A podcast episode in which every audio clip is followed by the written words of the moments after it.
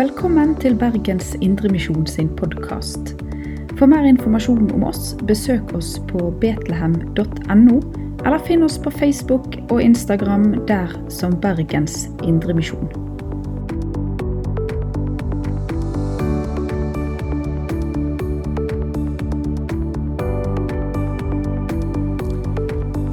Kjekt å se dere alle sammen.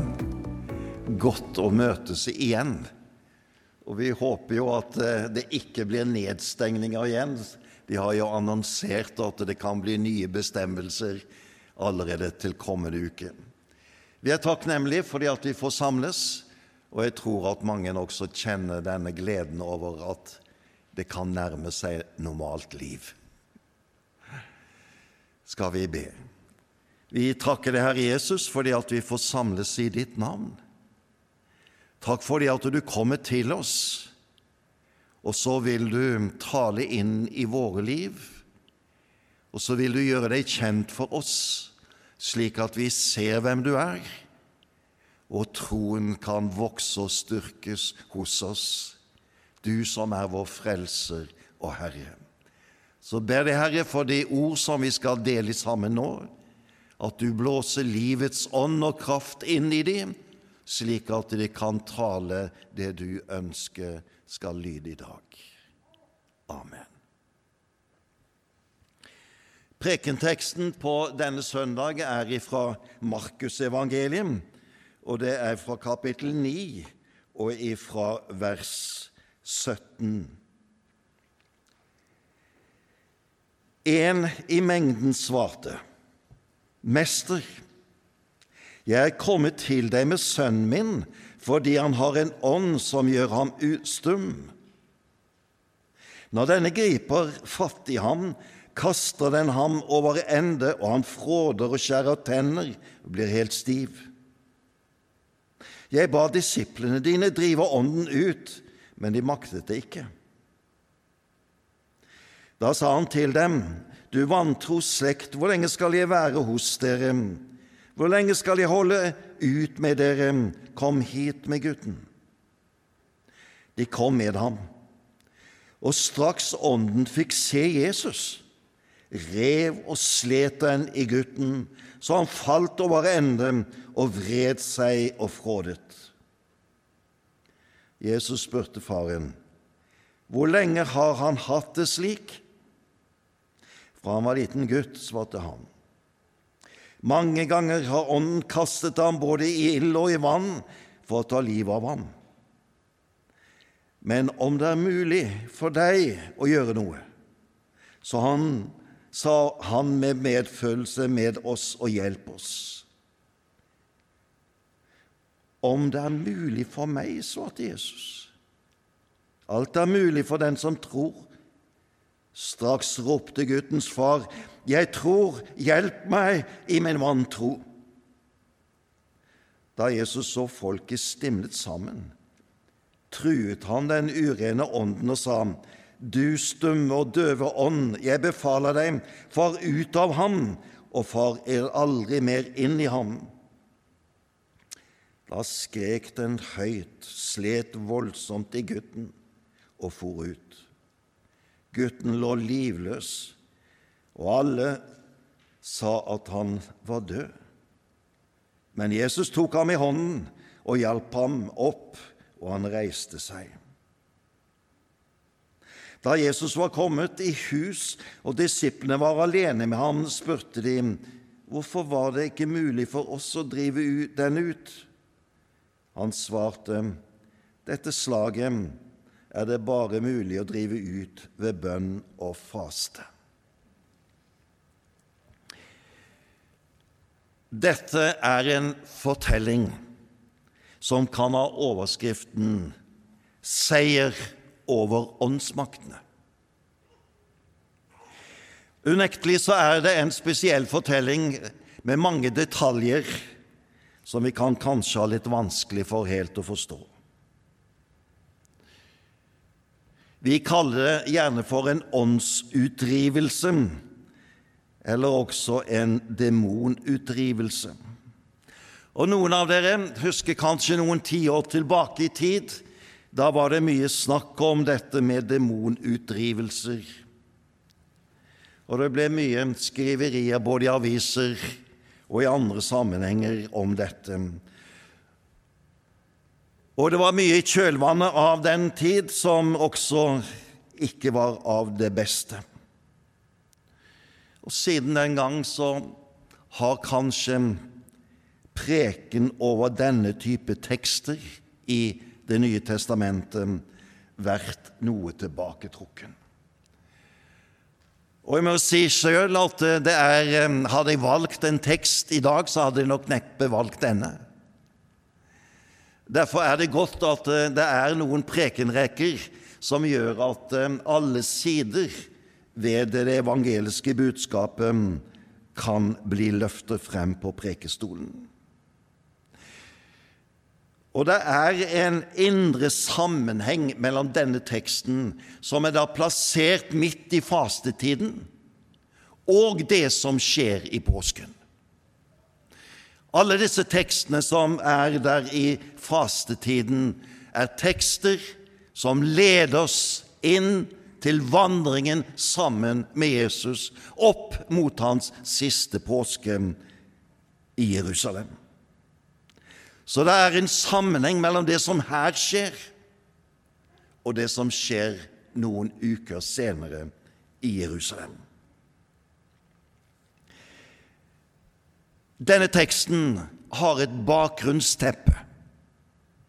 Og det bakgrunnsteppet er det nødvendig kanskje å løfte litt frem, fordi det så lett kolliderer med det som er dagens vanlige måte å tenke om virkeligheten på. Vi lever nemlig i en tid i den vestlige verden preget av en redusert virkelighetsforståelse. Vi lever i en sekulær tid og en materialistisk tid som gjør at det som betyr noe i livet for de fleste, henger sammen med det som kan telles, veies og måles, altså med hele denne naturlige virkeligheten som omgir oss. Og så blir det som tilhører den usynlige virkeligheten, blir nedvurdert eller fornekta.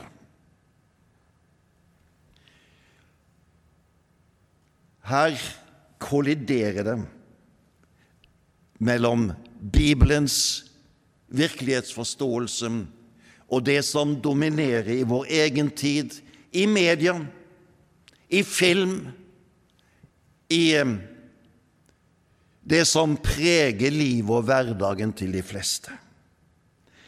Og da tenker jeg lett at alt det som har med liv eller med virkeligheten utenfor det, som vi kan se og ta og føle på, det blir på en måte spekulative tanker. Det er en usikker kunnskap. Det er noe som vi kan spekulere over. Det er noe som vi kan ha subjektive oppfatninger av. Men er det virkelig slik? Denne usikkerhet omkring den åndsvirkelighet som denne teksten er forankret i, gjør at mange av vanskeligheter. Både med å forstå denne teksten og med mange av de andre bibelske tekstene. Fordi at hele vår bibel er gjennomsyret av en virkelighetsforståelse som omtaler en åndsvirkelighet som omgir oss alle, som ikke uten videre kan måles, telles og veies slik som all natur kan. Og Allerede fra Bibelens første blad merker vi denne virkeligheten. For når Gud skaper denne verden, som vi kan se, ta på, føle på og være en del av, så er det en som står utenfor den skapte verden og er annerledes enn det skapte. Det er Gud selv. Det er en virkelighet hvor Gud er til stede, en åndsvirkelighet. Og Gud gjør seg gjeldende overfor verden ved at Han taler til oss. Ved at Han påvirker mennesker slik at deres gjerninger kan svare til det som er Guds vilje. Og til slutt så stiger han inn i denne verden gjennom sin egen sønn, Jesus Kristus, født av Maria, unnfanget av Den hellige ånd, sann Gud og sant menneske. Han sprenger denne grensen mellom det usynlige og det synlige ved at han stiger inn i vår verden.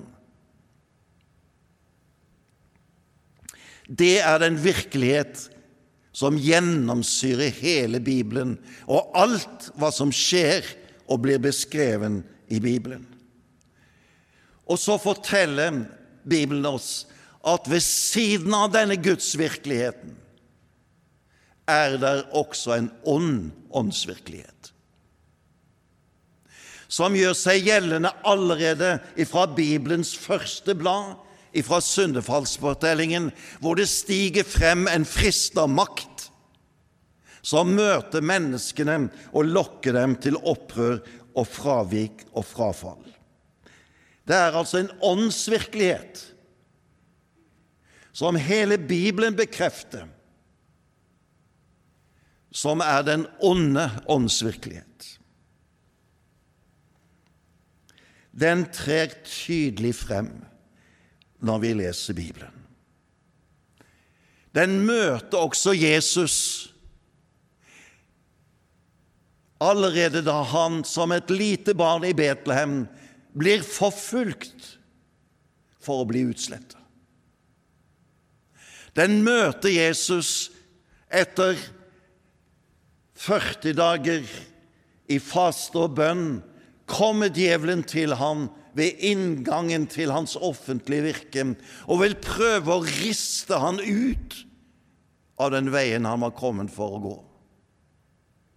Og vi møter han da Peter prøver å si til Jesus du må ikke dra til Jerusalem, for der vil du bli overlatt til de som styrer der, og de vil ta livet av deg.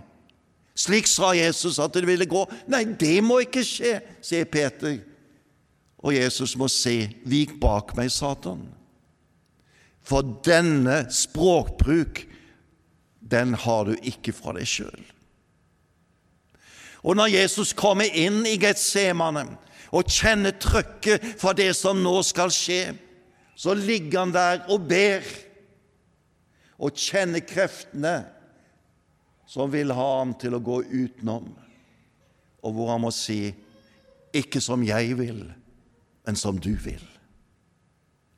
Denne virkelighet, denne åndsvirkeligheten som gjør seg gjeldende, den er en, den er en del av den virkelighetsforståelsen som hele Bibelen er gjennomsyret av, og som følger fra den første bok i Bibelen til den siste i Johannes' åpenbaring, hvor vi får skildringen av det endelige, avsluttende oppgjøret med disse åndskreftene, og hvor en ny himmel og en ny jord skal stige frem.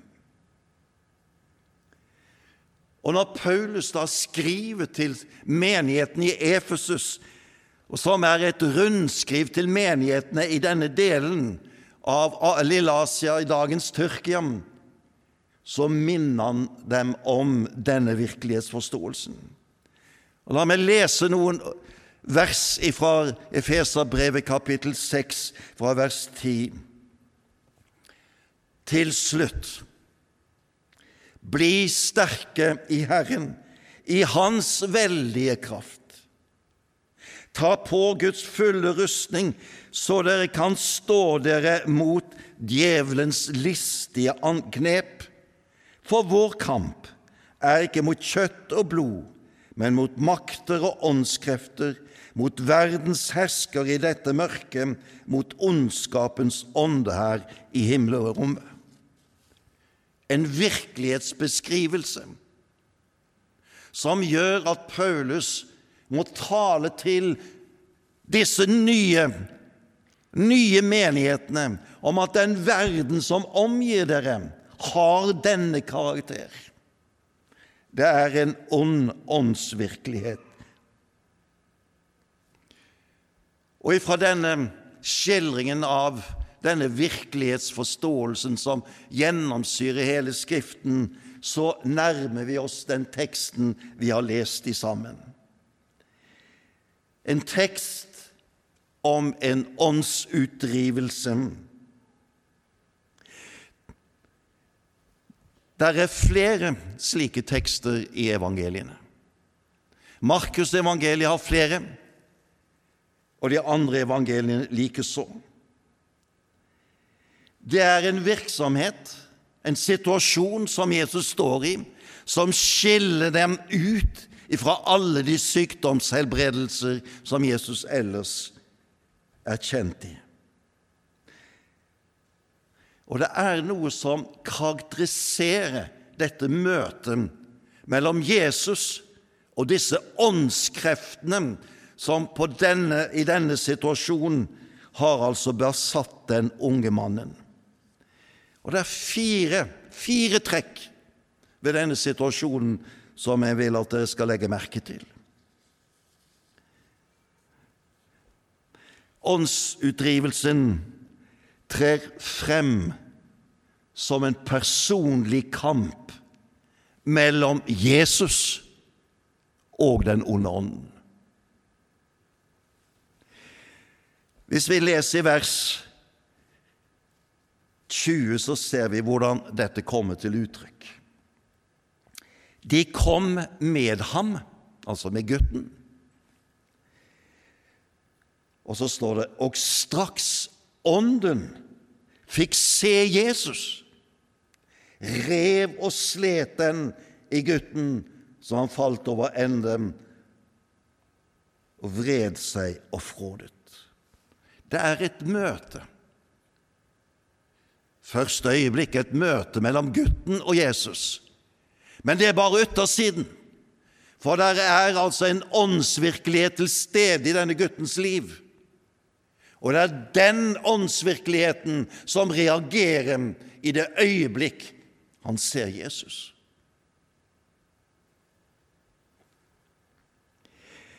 Det andre det er at denne onde ånden vet hvem Jesus er. Det kommer enda tydeligere frem i noen av de andre tekstene om åndsutdrivelsen, hvor denne ånden sier i møte med Jesus Vi vet hvem du er! Du er Guds sønn. Vi vet hvorfor du er kommet. Du er kommet for å ødelegge oss.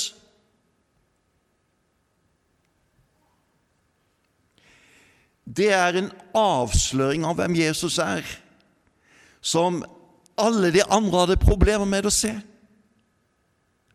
Men fordi at denne onde ånd i menneskene som har da besatt disse menneskene, de kjenner Jesus ifra åndsvirkeligheten og vet hvem han er, og vet hvorfor han er kommet. Og det tredje det er at Jesus taler direkte til denne onde ånden. Ikke til gutten, ikke til faren, men til den onde åndsmakten. Vers 25 her. Da Jesus så folk stimlet sammen, truet han den urene ånden og sa:" Du stumme og døve ånd, jeg befaler deg, far ut av ham. Og det fjerde, som da ligger i dette ordet som vi nå leste, viser hvilken makt Jesus utøver.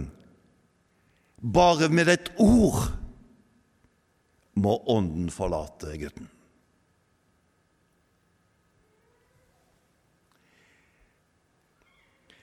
Dette er en fortelling om Jesu makt over de onde åndsmakter. Jesus er i kamp med disse maktene. I denne situasjonen beseirer han dem. I en rekke andre situasjoner hvor dette stiger frem i hans liv, har vi tilsvarende beseiringer. Og Jesus avslører sin guddommelige makt, sin enestående forhold til Gudfaderen.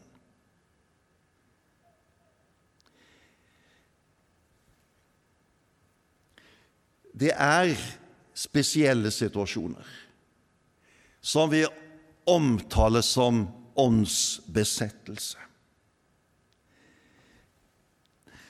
Og Det vi legger merke til, det er at en rekke av de andre motstanderne av Jesus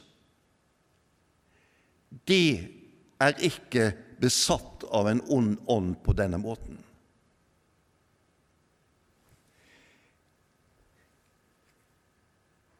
Fariseerne, de skriftlærde, øverste prestene, blir aldri omtalt og møtt på denne måten. Kan vi spørre hvorfor det? Når det forteller oss bare det at når den onde åndsvirkeligheten utøver sitt herredømme over menneskene, så gjør han det på forskjellige måter. Noen tilfeller er det slik at det blir en besettelse, slik som i dette tilfellet vi har lest om. I andre situasjoner så utøves denne påvirkningen på en helt annen måte. Men det er den samme åndsvirkeligheten som står bak, og som virker på denne måten. Det som der skjer på veien mot Jerusalem, foregriper den seier som skal finne sted i Jerusalem. Denne gutten, denne situasjonen, det var en isolert situasjon der og da. Men Jesus venter på et generaloppgjør med djevelen. Det er det han går i møte når han nå nærmer seg Jerusalem. Og når Paulus skriver om dette, hva som skjer når Jesus dør og står opp igjen, så la meg lese et ord ifra Kolosserbrevet, kapittel 2, vers 15, som nettopp understreker at Jesus tar et slikt oppgjør. Han kledde maktene og åndskreftene nakne og stilte dem frem til spott og spe da han viste seg som seierherren over dem på korset. I hans død og oppstandelse finner det sted en grunnleggende seier over denne åndsmakt, og som gjør at Guds at det kan lyde et budskap om Jesus Kristus, som gjør at den som hører dette budskapet, tar imot det, opplever at han blir satt fri, fordi at synden blir tilgitt. Det er synden som holder mennesket fast inn under denne djevelens herredømme. Og så lenge menneskene lever i uoppgjort synd, er de bundet av disse åndskreftene.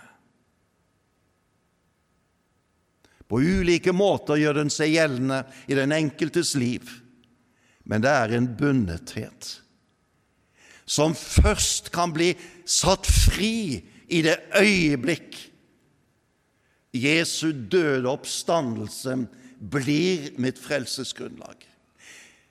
Når dette budskapet om Jesus som min frelser når inn i livet, og dette nådens ord virker inn i livet, så forenes vi med Jesus Kristus i hans døde oppstandelse med ham. Vi blir levendegjort med ham. Våre synder blir tilgitt, og et nytt liv stiger frem. Et liv frigjort ifra dette, denne ondskapens herredømme. Da går budskapet ut til alle. Uansett hvilken situasjon man befinner seg, og hvordan dette ondskapens herredømme gjør seg gjeldende, så er det et budskap som lyder til alle og enhver. I Jesus Kristus er det frihet. I ham flytter vi over i Guds rike og får del i dette rikets velsignelser. Et nytt liv.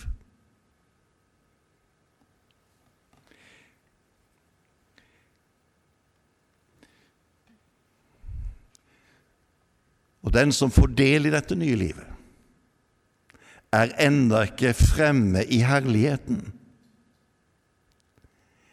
For denne åndsvirkeligheten som denne teksten er forankret i, og som hele Skriften taler om, den møter oss også som kristne. Og Det er derfor Paulus skriver altså i Efeserbrevet om dette å ta Guds fulle rustning på. Enhver av oss trenger den kraft og styrke som det er å være i ham. Bli sterke i Herren, i Hans veldige kraft. Ta Guds fulle rustning på, så dere kan stå dere imot djevelens listige knep. For vår kamp er ikke mot kjøtt og blod, men mot makter og åndskrefter, mot verdens herskere i dette mørket, mot ondskapens ånde her i himmelrommet. Vi er satt fri, men han søker å få tilbake det han måtte gi slipp på. Derfor melder djevelen seg også i våre liv med fristelser, med prøvelser, han lokker og lurer. Han omskaper seg, noen ganger som en brølende løve som skaper redsel og angst, noen ganger som en lysets engel som etterligner alt det som har med kristendom å gjøre, bare for å lokke oss bort ifra den frihet som vi har fått i Jesus Kristus.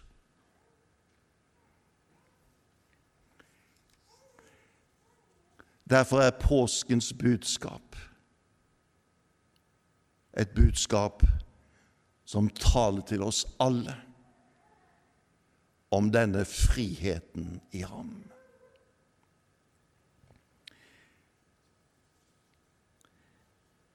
Du og jeg trenger denne å bli styrket i ham, bli sterk i ham. For vi har ikke en kamp mot kjøtt og blod, mot alt det synlige som omgir oss. For bak alt dette står der altså en makt som står Gud imot, som står Guds barn imot.